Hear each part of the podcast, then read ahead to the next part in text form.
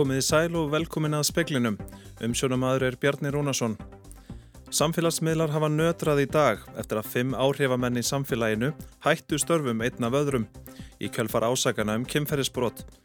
Mennirnir voru stjórnendur hjá sum af stærstu fyrirtækjum landsins, virtir viðskiptamenn eða þekktir fjölmilamenn. Óviður með suður og vesturströndinni er heldur að ganga niður. Búist er við minni ölduhæði kvöld með við í morgun og í gerðkvöld. Mannrettindastjóri saminuðu þjóðuna hvetur stríðandi fylkingar í Kazakstan til að ganga út um deilur sín á milli með friðsalumum hætti. Týjur lauruglumanna hafa fallið í átökum við mótmalendur og hundruð særst. Ríflega þriðjungur félagsmanna einingar Iði og APS starfskunarsambands neytaði sér um talnækna þjónustu á seinastliðnu ári. Bæjastjórn Ísafjörðar vill fyrst sjá lausnir í orkumálum á vestfjörðum áður en til stopnunar þjóðgas á kjálkanum kemur. Kristín Helga Gunnarsdóttir hlauti í dag viðkenningu reythöfunda sjós Ríkisútasins fyrir reyðstörf og tónlistakonan Bríett hlaut Krókin fyrir útgáfu tónlinga sína. Óróapúls er orð ársins 2021. Fjórir áhrifamenn í samfélaginu hafa hætt störfum vegna ásakana um kynferðisbrott. Málið hefur verið mikið til umræð á samfélagsmiðlum eftir að ungkonar steg fram og sagði frá því ofinbarlega. Fymti maðurinn er sagður á leiði frí frá störfum. Rekviður Jónsson, stjórnarformaður Veritas, Þórður Már Jóhannesson, stjórnarformaður Festi, Ari Edvald, frankvaldastjóri ICR útflutnings og Arnar Grant, engatjálfari hjá Vörglas, hafa allir hætt störfum í það minnsta tímabundið.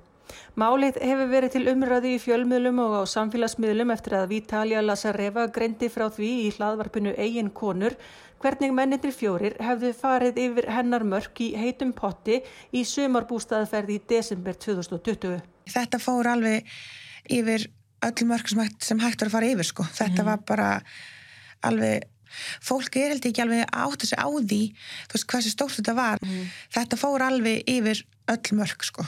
Sagði Vítalja í viðtali við Ettu Falag. Hún nafngrendi mennina ekki í viðtalinu en hafði nefnt nöfn þeirra á samfélagsmiðlum í fyrra.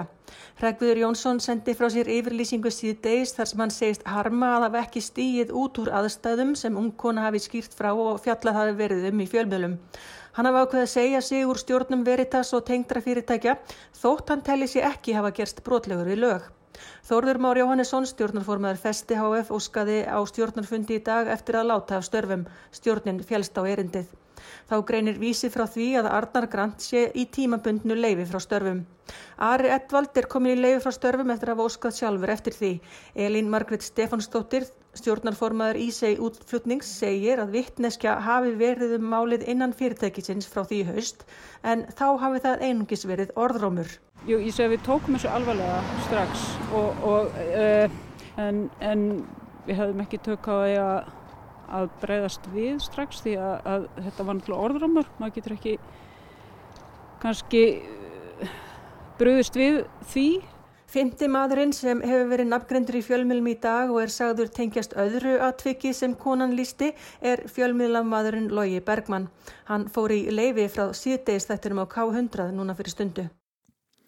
Alma Ómarsdóttir tók saman. Heldur hefur dreyið úr veður hamnum á sunnan og vestanverðu landinu eftir því sem liðið hefur á daginn. Sjór gekk á landi í Grindavík og flætti inn í fristihús Vísis á flóði í morgun. Spáður minni ölduhæði í kvöld en var á flóði í morgun og í gerðkvöld.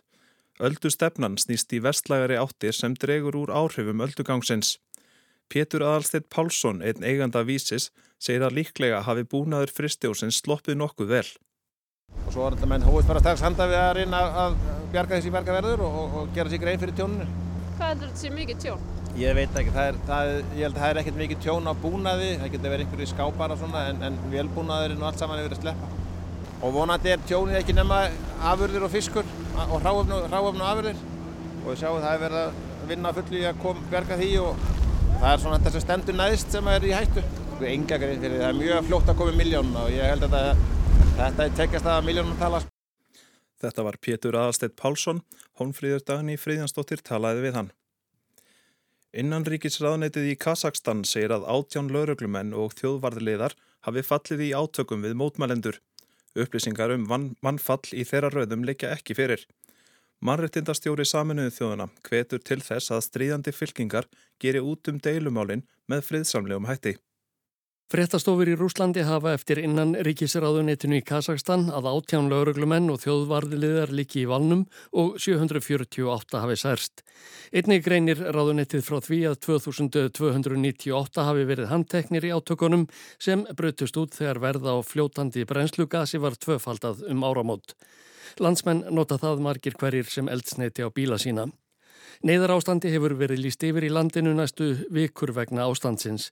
Öryggisveitir skutu í dag á fólk sem reyndi að brjóta sér leiðin á lauruglustöðvar og aðrar opimberar byggingar í Almaty, fjölmennustu borg landsins, þar sem mótmælinn hafa verið hörðust.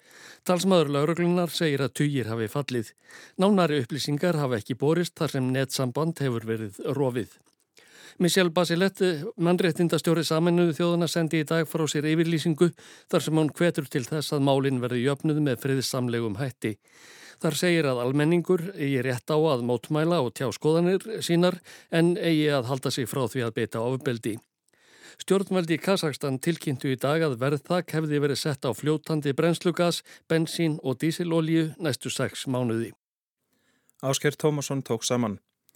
90% kórunverjum smita innanlands eru af ómikrón afbreyðinu. Þetta segir í fæslu á vef Empatis landlæknis. 10% smitana eru vegna delta afbreyðsins. Fyrirspurnum frá almenningi um hvaða veiru afbreyði viðkomandi hafi greinst með hefur fjölkað umtalsvert. Öll jákvæð síni eru raðgreind en eina til tvær vikur tekur að fá niðurstöður. Stemt er að því að þessar upplýsingar komi inn á helsuveru hvers og eins á næstu dögum.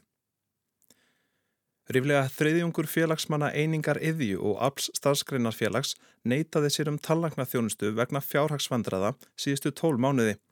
Formaður einingar yðju hefur áhyggjur af stöðinni. Stjættarfélagið Eining Yðja á Norðurlandi og Apl starfskeinafélag á Östurlandi gerðu könnun á stöðu félagsmanna sinna. Þar kemur fram að tæplega fjórðungur frestaði læknisheimsókn vegna fjárhagsvandraða. Þá neytaði rúmlega þriðjungur sér um tannlækna þjónustu og tæplega 20% sló á frestað kaupa sér liv. Björn Snæbjörnsson, formaður einingar segir ungt badnafólk vera í verstu stöðunni. Þetta er aldurslokkurinn 25-35 ára sem, að, sem stæðstur í þessu. Þannig að það er svona badnafólkið sem að verist vera að forgansraða og, og, hérna, og hefur ekki efna á því að sækja þessa þjónustu. Þannig að það er svona, maður sér alveg, alveg hvaða trendin er. Þetta eru þessi mega börn og, og annað sem, að, sem eru greinlega neyta sem meir um þetta heldur en, heldur en hérna, þeir sem eldri eru. Félagið hefur gert sambarlega könnun undan farin 11 ár og líst byrni illa á þrónina. Þetta var eh, svona alltaf hátt 2019. 2020 eh, þá dætt þetta niður. Það, svona, það, var, það, var, hérna, það voru færri sem neittuð sér um þessa hluti en svo hefur aftur síð og ágefið hliðina núna 2021. Hafið það ágjur af, af framhaldinu?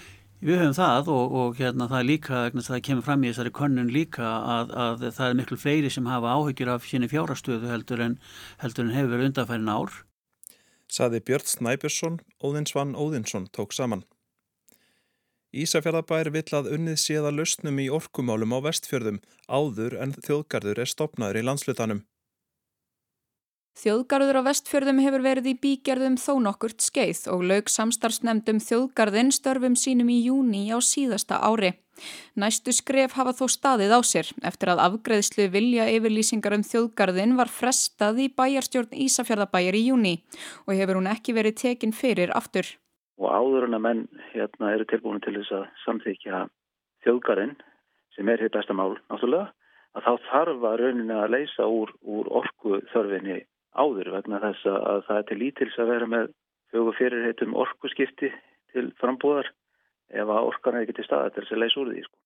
Segir Birgir Gunnarsson bæjarstjóri. Hann undirstrykar að sveitarfélagi sé þó ekki mótfallið þjóðgarði.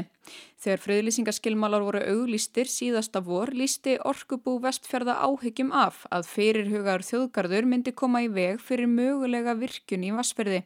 Við viljum þjóðgarð en við viljum líka tryggja orku málinn til frambúðar og það er framar í fólknarsveðurinn hjá okkur þannig að við verum að leysa út í fyrst áður að hitt er afgriðt. En er það hraðisla við að þjóðgarðurinn komi í veg fyrir þessar orku lausnir? Já, það þarf bara einhvern veginn að finna lausninnar áður en við erum tilbúin að fara að stað með, með þjóðgarinn. Fyrirhugaður þjóðgarður á að liggja í tveimur sveitarfjölugum, Ísafjörðabæ og Vesturbyggð. Vesturbyggð samþykti vilja yfirlýsingum þjóðgarðin síðasta sömar. Elsa Maria Guðlöks Strífudóttir sagði frá og talaði við Birgi Gunnarsson. Óróa Púls var valið orð ársins 2021 í kostningu á rúf.is. Kosi var millir 15 orða og varð orðið Óróa Púls hlutskarpast, örfunaskamtur og gerenda meðverkni fylgdu á eftir en mjótt var á munum. Þá hlaut Kristín Helga Gunnarsdóttir í dag viðkenningu Ritthöfundasjós Ríkisútarsins fyrir Rittstörf og tónlistakonan Bríett hlaut Krókin viðkenningu Rásar 2 fyrir útgáfutónleika sína í hörpu í haust. Einni var tilkittum útlutun úr tónskóldasjóði Ríkisútarsins og Steffs árið 2021. Alls voru veitir 75 styrkir úr sjónum sem hefur það markmið að stuðlaða frumsköpun og útbreyslu íslenskrar tónlistar.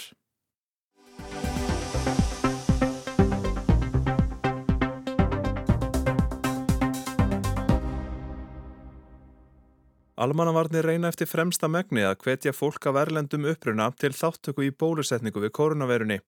Upplýsingar um gildandi takmarkanir, bólusetningu og stöðu faraldusins eru þýttar á ótal tungumál. Þá hafa almannavarnir einnig reynda nálgast fólk í gegnum samfélagshópa eins og kirkjur. Bólusetningabíl sem kerir um götur borgarinnar með barmafullar spröytur af bóluefni hefur gefið ágæta raun en ákveðinar tortrygni gætir meðal erlendra verkamanna sem hafa ekki látið bólusetja sig. Ástæðan er sögð bæði skortur á trösti í gard kervisins og skortur á upplýsingum. Emmanuel Macron, fraklandsfórseti, var til viðtals í franska dagblæðinu La Parisen. Þar er haft eftir fórsetanum að hann vilji endilega erkja óbólusetta og því verði haldi áfram þar til yfir líkur. Það er ótt að segja að þessi ummali hafi fallið í grítan jarðveg. Gera þurfti hlið á þingfundi á franska þinginu í gær í umræðum sótvarnaraðgerðir. Björningi Hrapsson saði í veikunni í pistli sínum á Viljanum að það væri bleikur fýll í stofunni. Að stór hluti þeirra sem þyrti á aðstóð heilbreyðskerfisins að halda væru óbólusettir erlendir verkamenn. Jóanna Marcinkovska, verkefnistjóri ráðgjáfastofu innflytjenda, saði í kastljósi að ummali Björns væru nánast útlendinga hatur. Ég myndi bara kalla það jafnvel útlendingahattur og fyrst og fremst e, er talað um útlendinga sem eru með íslenska genitalur og þetta eru ekki útlendingar nema innflytjendur. Mm. Þetta eru fólk sem er með löglegað fól á landi og hafa alveg rétt á alla djónustu eins og íslendingar. Þannig að þið finnst ekki rétt að tala um þetta um í, í þessu samingi? Nei. Fólk af erlendum uppruna hafi orðið fyrir fordómum vegna faraldusins.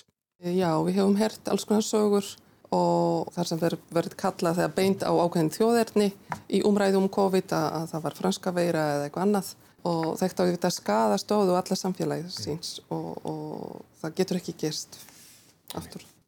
Fimm af sjö sem liggja á gjörgjastlu landsbyttalans með COVID eru óbólusettir. Af þeim 32 sem liggja inni er réttæpur helmingur óbólusettur. Landsbytalan veitir ekki nánari upplýsingar um þjóðerni eða uppruna þeirra sem eru á spítalanum. Hildur Helgadóttir, verkefnistjóri farsvotanemndar landsbytala, segir það ekki eiga við rauka steyðjast að óbólusettir útlendingar síðast lega heilbreyðskerfið. Nei, þetta á nú ekki við rauka steyðjast. Það er mikið áláð á spítalanum vegna COVID-19 og það eru bara af öllu mögulegu tægi. Það er óbólusett fólk, er náttúrulega, hefur, það hefur ekki farið fram henni einum að það tekur alltaf mikið pláss á gjörgjastlu.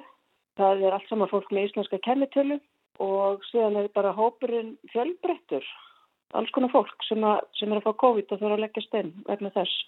Hildur sagði í november að þeir sem læju inni á landsbítala þá væru engum ungir karlmenn, erlend verkafólk og yfirlistir anstæðingar bólusetninga. Hún sagði jafnframt þá að erlendir verkamenn sem kæmu hinga til lands var ekki endilega á móti bólusetningum, þeim hafði einfallega ekki staðið hún til bóða í heimalandinu. Þar sem tiltölulega fáir eru innilegjandi hverju sinni breytast þessar tölur hratt. En hver er staðan nú? Það sem er svolítið breytt er sko þetta með erlendir verkamenn. Held ég að skilgreiningin að því sé svolítið að reyki. Við erum að tala hérna um fólk sem er með íslenska kennitölu og ég vil búi hér árum og áratugum saman og hér þett hérna, net eh, en er kannski ekki eh, fætt á Íslandi Eh, það eru einhverju úr þeim hópi alveg eins og úr þeim sem eru borðnir og barnfettir á Íslandi. Það er ennþátt alltaf áberandi með unga kallmenn, alveg sama hvaða, í hvaða landin er fættust, að þeir eru alltaf óbólsettir ennþá. En það er líka bara svona fólk sem er á móti bólusetningum sem er rammislönst. Hún segir að enn vandir nokkuð upp á örfun hjá ungum körlum sem fengu Janssen bólusetningu á sínum tíma. Meðal þess sem bröði var á til að auka bólusetninga þáttöku erlendra verkamanna hér á landi var að rúnda um götur borgarinnar á sérstökum bólusetningar bíl. Sá rúndur hófst í november. Heilsugjastla höfuborgarsvæðisins fór þá á vinnustadi og bauð fólki bólusetningu. Ragnir Rósk Erlendstóttir, framkvæmdastjóri hjúgrunar hjá heilsugjastlu höfuborgarsvæðisins, segir verkefninu hafi verið tekið ágætlega. Reynt hafi verið að höfða til óbólusettra fyrst og fremst og flestir hafi tekið þeim vel þó ekki væru nema til að fá upplýsningar um bólusetningar. Hún segir að það hafi í flestum tilfellum orðið til þess að fólk létt bólusetta sig. En hvaða viðhorfi mættu þau á bólusetningar rundi sínum? Ágætis sko viðhorfi. Þa, það er ekki málið en kannski gott að gefa, geta gefið upplýsingar á staðnum og svona gekk eila betur þegar að atvinnireikundu gæti verið búin að undibúa svolítið í jarðveginn og, og svona að undirbúa það að við værum að koma og værum kannski bara að gefa upplýsingar. Þetta er kannski hópur sem er gott að geta gefið tíma og, og geta gefið upplýsingar og, og reyna að ná, ná til. Þeir eru ofta að fá kannski upplýsingar á sínum heimalöndum sem að maður veit ekki alveg hvernig, hvernig upplýsingar það eru. Túlkur var með í för sem auðveldaði samskipti á milli heilbriðstarfsfólk og fólksinn sem leita var til. Við þeitum kannski líka bara að koma okkur betur inn í, í, í þessi samfélag og, og með þessar upplýsingar um bólusetningarnar. Ég held að það veri ákveðsulegt. Það er svona að heyra að það hefur verið ákveðið vantröst hjá fólki í gard bólusetninga að snúa þær að bóluefnunum eða snúa þær bara að yfirvöldum? E, líklega hverju tvekja. Við finnum það alveg bæði. Það er bæði svona emitt. Vantröst kannski á kerfi að því að oft í þessum löndum er kannski mikið vantröst á kerfin í, í löndunum Og en svo líka, gerir náttúrulega mikið á netinu líka og alls konar um þessi bólaefni sem að fólk er, hefur mis hérna góðar upplýsingar um og, og þannig að þetta er allt svona í blandara. Gert veður hlýja á akstri bólusetningabilsins á næstunni á meðan bólusetning barna fer fram. Samtöku atvinnulífsins og fyrirtæki undir þeirra hatti hafa ekki gert kröfum um að fólk sem kemur hinga til að vinna sé bólusett en hvetja alla til að láta bólusetta sig. Ragnar Árnason, lögfræðingu samtakana, segir í skriflegu svari að samtök atvinnulífsins hafi heyrt af áformum atvinnureikanda að gera bólusetningu að skilirði við ráningu og beina tilmælum til annara starfsmanna um bólusetningu. Það á aðalega viðum viðkvæma starfsemi þar sem miklar fjárvistir geti haft í för með sér mikið tjón fyrir fyrirtækin eða viðskiptamenn. Ekki sé þá vita til þess að fyrirtækin hafi fyllt þessum áformum eftir.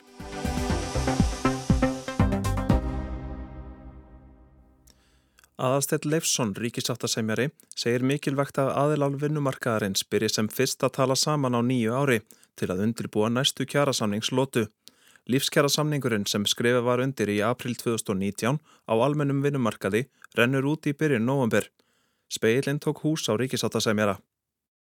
Það er þannig á Íslandi að það er mjög fátítt að samningur taki við að samningi eins og kallað er að það sé búið undirrita nýja kjærasamning áður eins og fyrri rennur út Hlutfallið á Íslandi er þetta kringum 1% af öllum samningum á vinnumarkaði og ég gerði könnuna meðal samningarenda fólks á síðast ári og spurði meðal annars hvað getur við gert til þess að breyta þessu og fá þetta hlutvallu þannig að fleiri tilvík verði það sem samningu tekur við að samningi og eina megin ábyrningunum var að byrja fyrir að undirbúa sig og, og byrja fyrir að tala saman. Hvert er þitt hlutverk í að greiða fyrir að svo verði? Það er kannski tvent aðala sem stendur upp úr í því. Annars vegar að þá erum við búin að setja upp núna fimm námstefnur í samlingagerð, þryggjataða námstefnur þar sem við köllum saman aðeila vinnumarkaðins, fólk begja megin bors til þess að ræða saman um samíla hagsmunni og um kjara samningaferlið. Hugsunin með þessu er að hvetja samningarnefnunar til þess að undirbúa sér vel og til þess að byrja undirbúningin fyrr. Hins vegar þá höfum við verið að vinna að örlíti breyttu verklagi í kjærasamlingagerðinni, allavega því sem að okkur snýr hérna hjá Ríkisáttisemjara og erum að nippa í samlingarnemndirnar, nippa í aðila og spyrja spurninga, eru þið búin að vinna úr þessum bókunum við síðasta samling, eru þið búin að skipa samlingarnemndir, eru undirbúningurinn hafinn? Og bjóða aðstöðu hérna hjá okkur til sáttafunda jafnvel í málun sem ekki búið að vísa með formlu hætti til ríkisvota sem er að og einni að bjóða fram aðstóð stutt námskeið og samtöl um það hvernig hægt er að standa sér besta undirbúningi fyrir samningarlótuna. Við fundum það líka í könnuna meðal samningarnefnda fólks kom í ljós að fólk í samningarnefndunum skiptist í raun í tvo hópa. Annars vegar þá sem að undirbúa sig gríðarlega vel sem er svona umtabill 20-25% af hópnum. Síðan er um 60% sem nefnur einu vinnudegi eða skemur í undirbúning fyrir fyrsta samningafönd sem er allt, allt og stuttu tími. En í sömukonum kom líka fram að mjög stór meiri hluti samningarnanda fólks er mjög opið fyrir því að byrja undirbúningi fyrr, kallar eftir því að fá fræðslu og vil gætnan hafa fræðslu samtal sem innihaldríkast þar sé að vil freka fara að þryggjata á námstöðun heldur en bara stuttan fyrirlestur. Þannig að ég finn að það er vilji til þess að taka þessi vinnubröð áfram og byrja fyrr. Hefur þetta staðið samlingagerð fyrir þrifum að fólk bara er ekki nógu kunnugt ferlinn? Þegar við skoðum samningarnemndirnar að þá sjáum við að til að mynda í síðustu samningarlótu að þá voru 40% þeirra sem tóku þátt í samningarnemndunum allavega með við þær aðtöðuna sem við hefum gert voru ný, voru að koma inn í ferlið í fyrsta sinn og um 20% sögðu okkur að þeir gæti ekki að hugsa sér að taka þátt í samningarveraðum aftur. Þetta ætti að vekja okkur öll til umhugsunar og það sem við hefum gert þess að breyðastu þessu er að endur skoðum vefin okkar frá grunni og erum með margfald meira upplýsingarefnin þar til þess að styðja við þá sem koma nýjir inn í samhengagerna. Við gerum margskona breytingar á því hvernig við tökum á móti fólki og húsnæðinu hérna þannig að fólki líði vel og finni til sín og vinni vel í samhenganemtunum frá fyrsta degi áöllum að líða vel hérna í þessu húsi og sem allra best í, í samningagerðinni. Vegna þess að ef að þú ert með uppöndir helmingin af fólkin samninganemdini í fyrsta sinn, þá er það ákveðin áskorun og við þurfum að vinna með það og hjálpa fólki til þess að líða vel í þessu mikilvæg hlutverki sem það tekið að sér hvort sem það er fyrir launagreðendur eða verkefliðsreifinguna. Þú talar um að vera mjög sjálfgeft að samningur tæki við að samningi svo sagt er. Hvað er það í umhverfini hér á Íslandi sem gerir þetta verk? Þetta er mjög góð spurning. Við erum með um 340 kjara samninga í þessari lótu sem hóst í byrjun árs 2019. Það breytist aðeins hlutvalli núna um, rétt fyrir áramót vegna þess að það tóku samninga millir samninga nefndar sveitafélag og félagskunarskóli kennara um, um nýjan kjara samning rétt fyrir áramót, rétt á þann að sá samningur rann út. En það var þá fjórði samningurinn af þeim um byrju 330 sem er lokið sem að tókst áður en að fyrir samningur rann út. Þannig að hlutvalli er 1%. Þannig í 99% tilvika þá förum við fram yfir. Það er sjálfsagt margar ólingar skýringar á þessu vinnubröðum og, og þessari hefð. Sumað er að hafa örgulega að gera með óstöðuleika í sögulega í íslensku efnæðslífi og aðrar hafa að gera við, með aðra þætti sem snúa til að mynda að því að við erum með til dærulega marga kjærasamninga og suma kjærasamninga sem ná yfir mjög fáa stafsmenn og það eru margir samleikjandi þætti sem að liggi í þessu en það eru gríðarlega tækifæri líka til þess að breyta því vegna þess að ef okkur tekst að fjölga samningum þar sem samningu tekur að samningi þá að sjálfsögðu blasi við að þá hefur fólki sem starfar undir viðkomandi samningi mikið meiri vissu og öryggi um hverir þeirra starfskjöru verða og svo lítur það líka á jákvæða áhrif á fyrirsjánleika og starfsumhverfi viðkomandi stopnana og fyrirtækja. Eru samningar á Íslandi og margir? Er þetta ómörg stjættafélög? Er kerfið bara á flókið? Þetta er það kerfið sem við höfum og það kerfið sem við höfum kosið okkur og öll kerfið hafa kost og galla. Við vitum að í alþjóðlegum samanbyrja þá eru samningarnir mjög margir. Kosturinn er vantilega að sá að þá eru samningarnir þá nær því fólki sem um þá er fjallað. Þetta er líka ákveðlega tímafrekt og felur í sér ákveðnar áskoranir. Það er talað um það í nýjum stjórnarsáttmála að ebla hlutverk ríkisáttasemjara og eh, þetta hefur fengið gaggrinni sérstaklega frá fólki í verkarlýsreimingunni. Það óttast að ennbætti fá of mikil völd geti haft áhrif á það hvort að verkfall sé reynlega slegið af. Hverju svarar því? Okkar hlutverk er að vinna að sáttameðlun.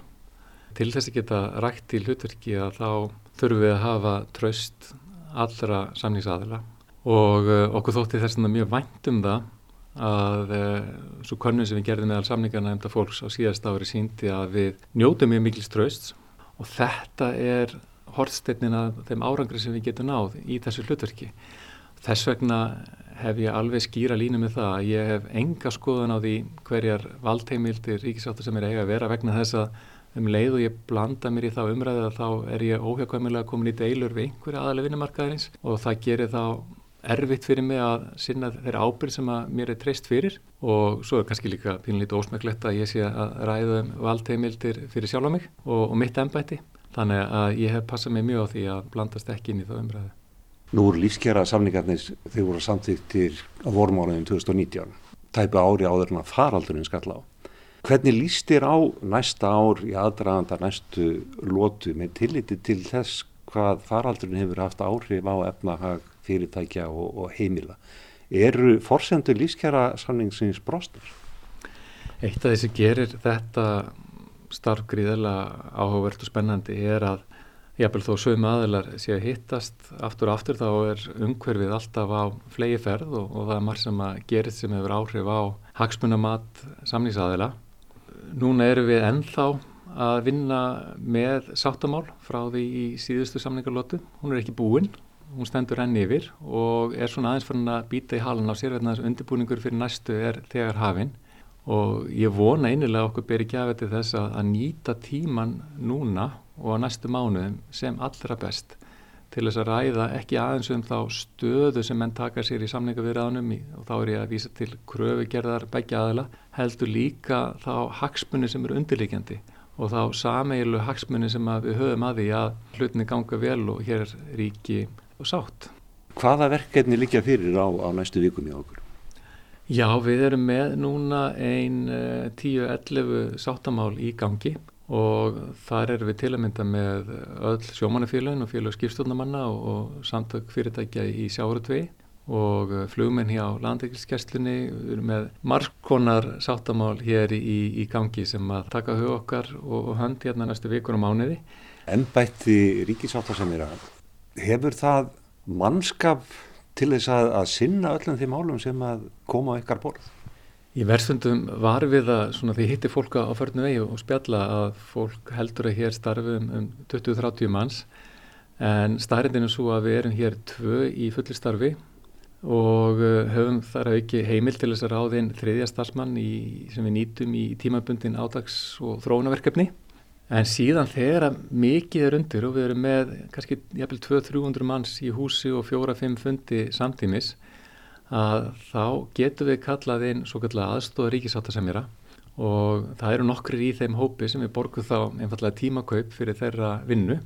Þetta er reynda fólk sem gegnir ábyrgastöðum oft í íslensku samfélagi, við erum með prest og við erum með hérastómara og sem dæmis við tegir, en þá hjálpar það okkur að það er borgarlega skilda að bregðast kallinu þegar við ringjum, þannig að fólk er erriðt með að koma sér undan.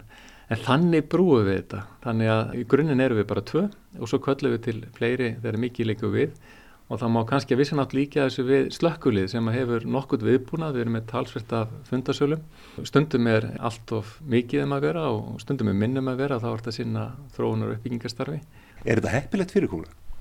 Já, ég held að þetta sé nokkuð hagkvæmt fyrirkomulag. Þetta heldur kostnæðinu niðri. Við höfum þennan sveigarleika til þess að takast á við mál þegar áþarf að halda. Já, ég held að þetta hafi virkað nokkuð vel en aðalega kannski vegna þess líka við njótum mikill að velvildar sem að ég er gríðarlega þakklóti fyrir. Við njótum velvildar og skilnings hjá aðalega vinnumarkaðarins en líka hjá þeim sem við leitum til með aðstóð þegar mikið líku við að þá, þá fáum við það aðstóð. Saði Aðstætt Leifsson, ríkisáttasemjari, í samtali við Kristján Sigur Jónsson. Það var helst í speiklunum í kvöld að samfélagsmiðlar hafa nötrað í dag eftir að fimm áhrifamenn í samfélaginu hættu störfum einn af öðrum í kjölfar ásakana um kynferðisbrott. Mennernir voru stjórnendur hjá sumum af stærstu fyrirtækjum landsins, virtir viðskiptamenn eða þekktir fjölmélamenn. Óveður með suður og vesturströndinni er heldur að ganga neður. Búist er við minni ölduhæði í kvöld með að við í morgun og í gerkvöld. Mannrettindastjóri saminuði þjóðana hvetur stríðandi fylkingar í Kazakstan til að gera út um deilur sín á milli með friðsamlegum hætti. Óróapúls er orð ársins 2021 og veðurhorfur suðaustan víða 10 til 18 metrar á sekundu eða skúrir eða slettujél en þurftað mestu á Norðurlandi. Minkandi úrkoma í nótt, í kvöldafsækið og lægir talsvert, kólnandi veður. Sunnan eða suðaustan 5 til 10 á morgun en 10 til 15 vestast. Vaksandi söðaustanátt á sunnanverður landinu sítiðis á morgun, hvers viðriða stormur þar seint annað kvöld. Gul viðvörun hefur verið gefin út á söður og vesturlandi á miðnætti annað kvöld. Fleira er ekki í speiklinum í kvöld, tæknimaður var Jón Þór Helgason, veriði sæl.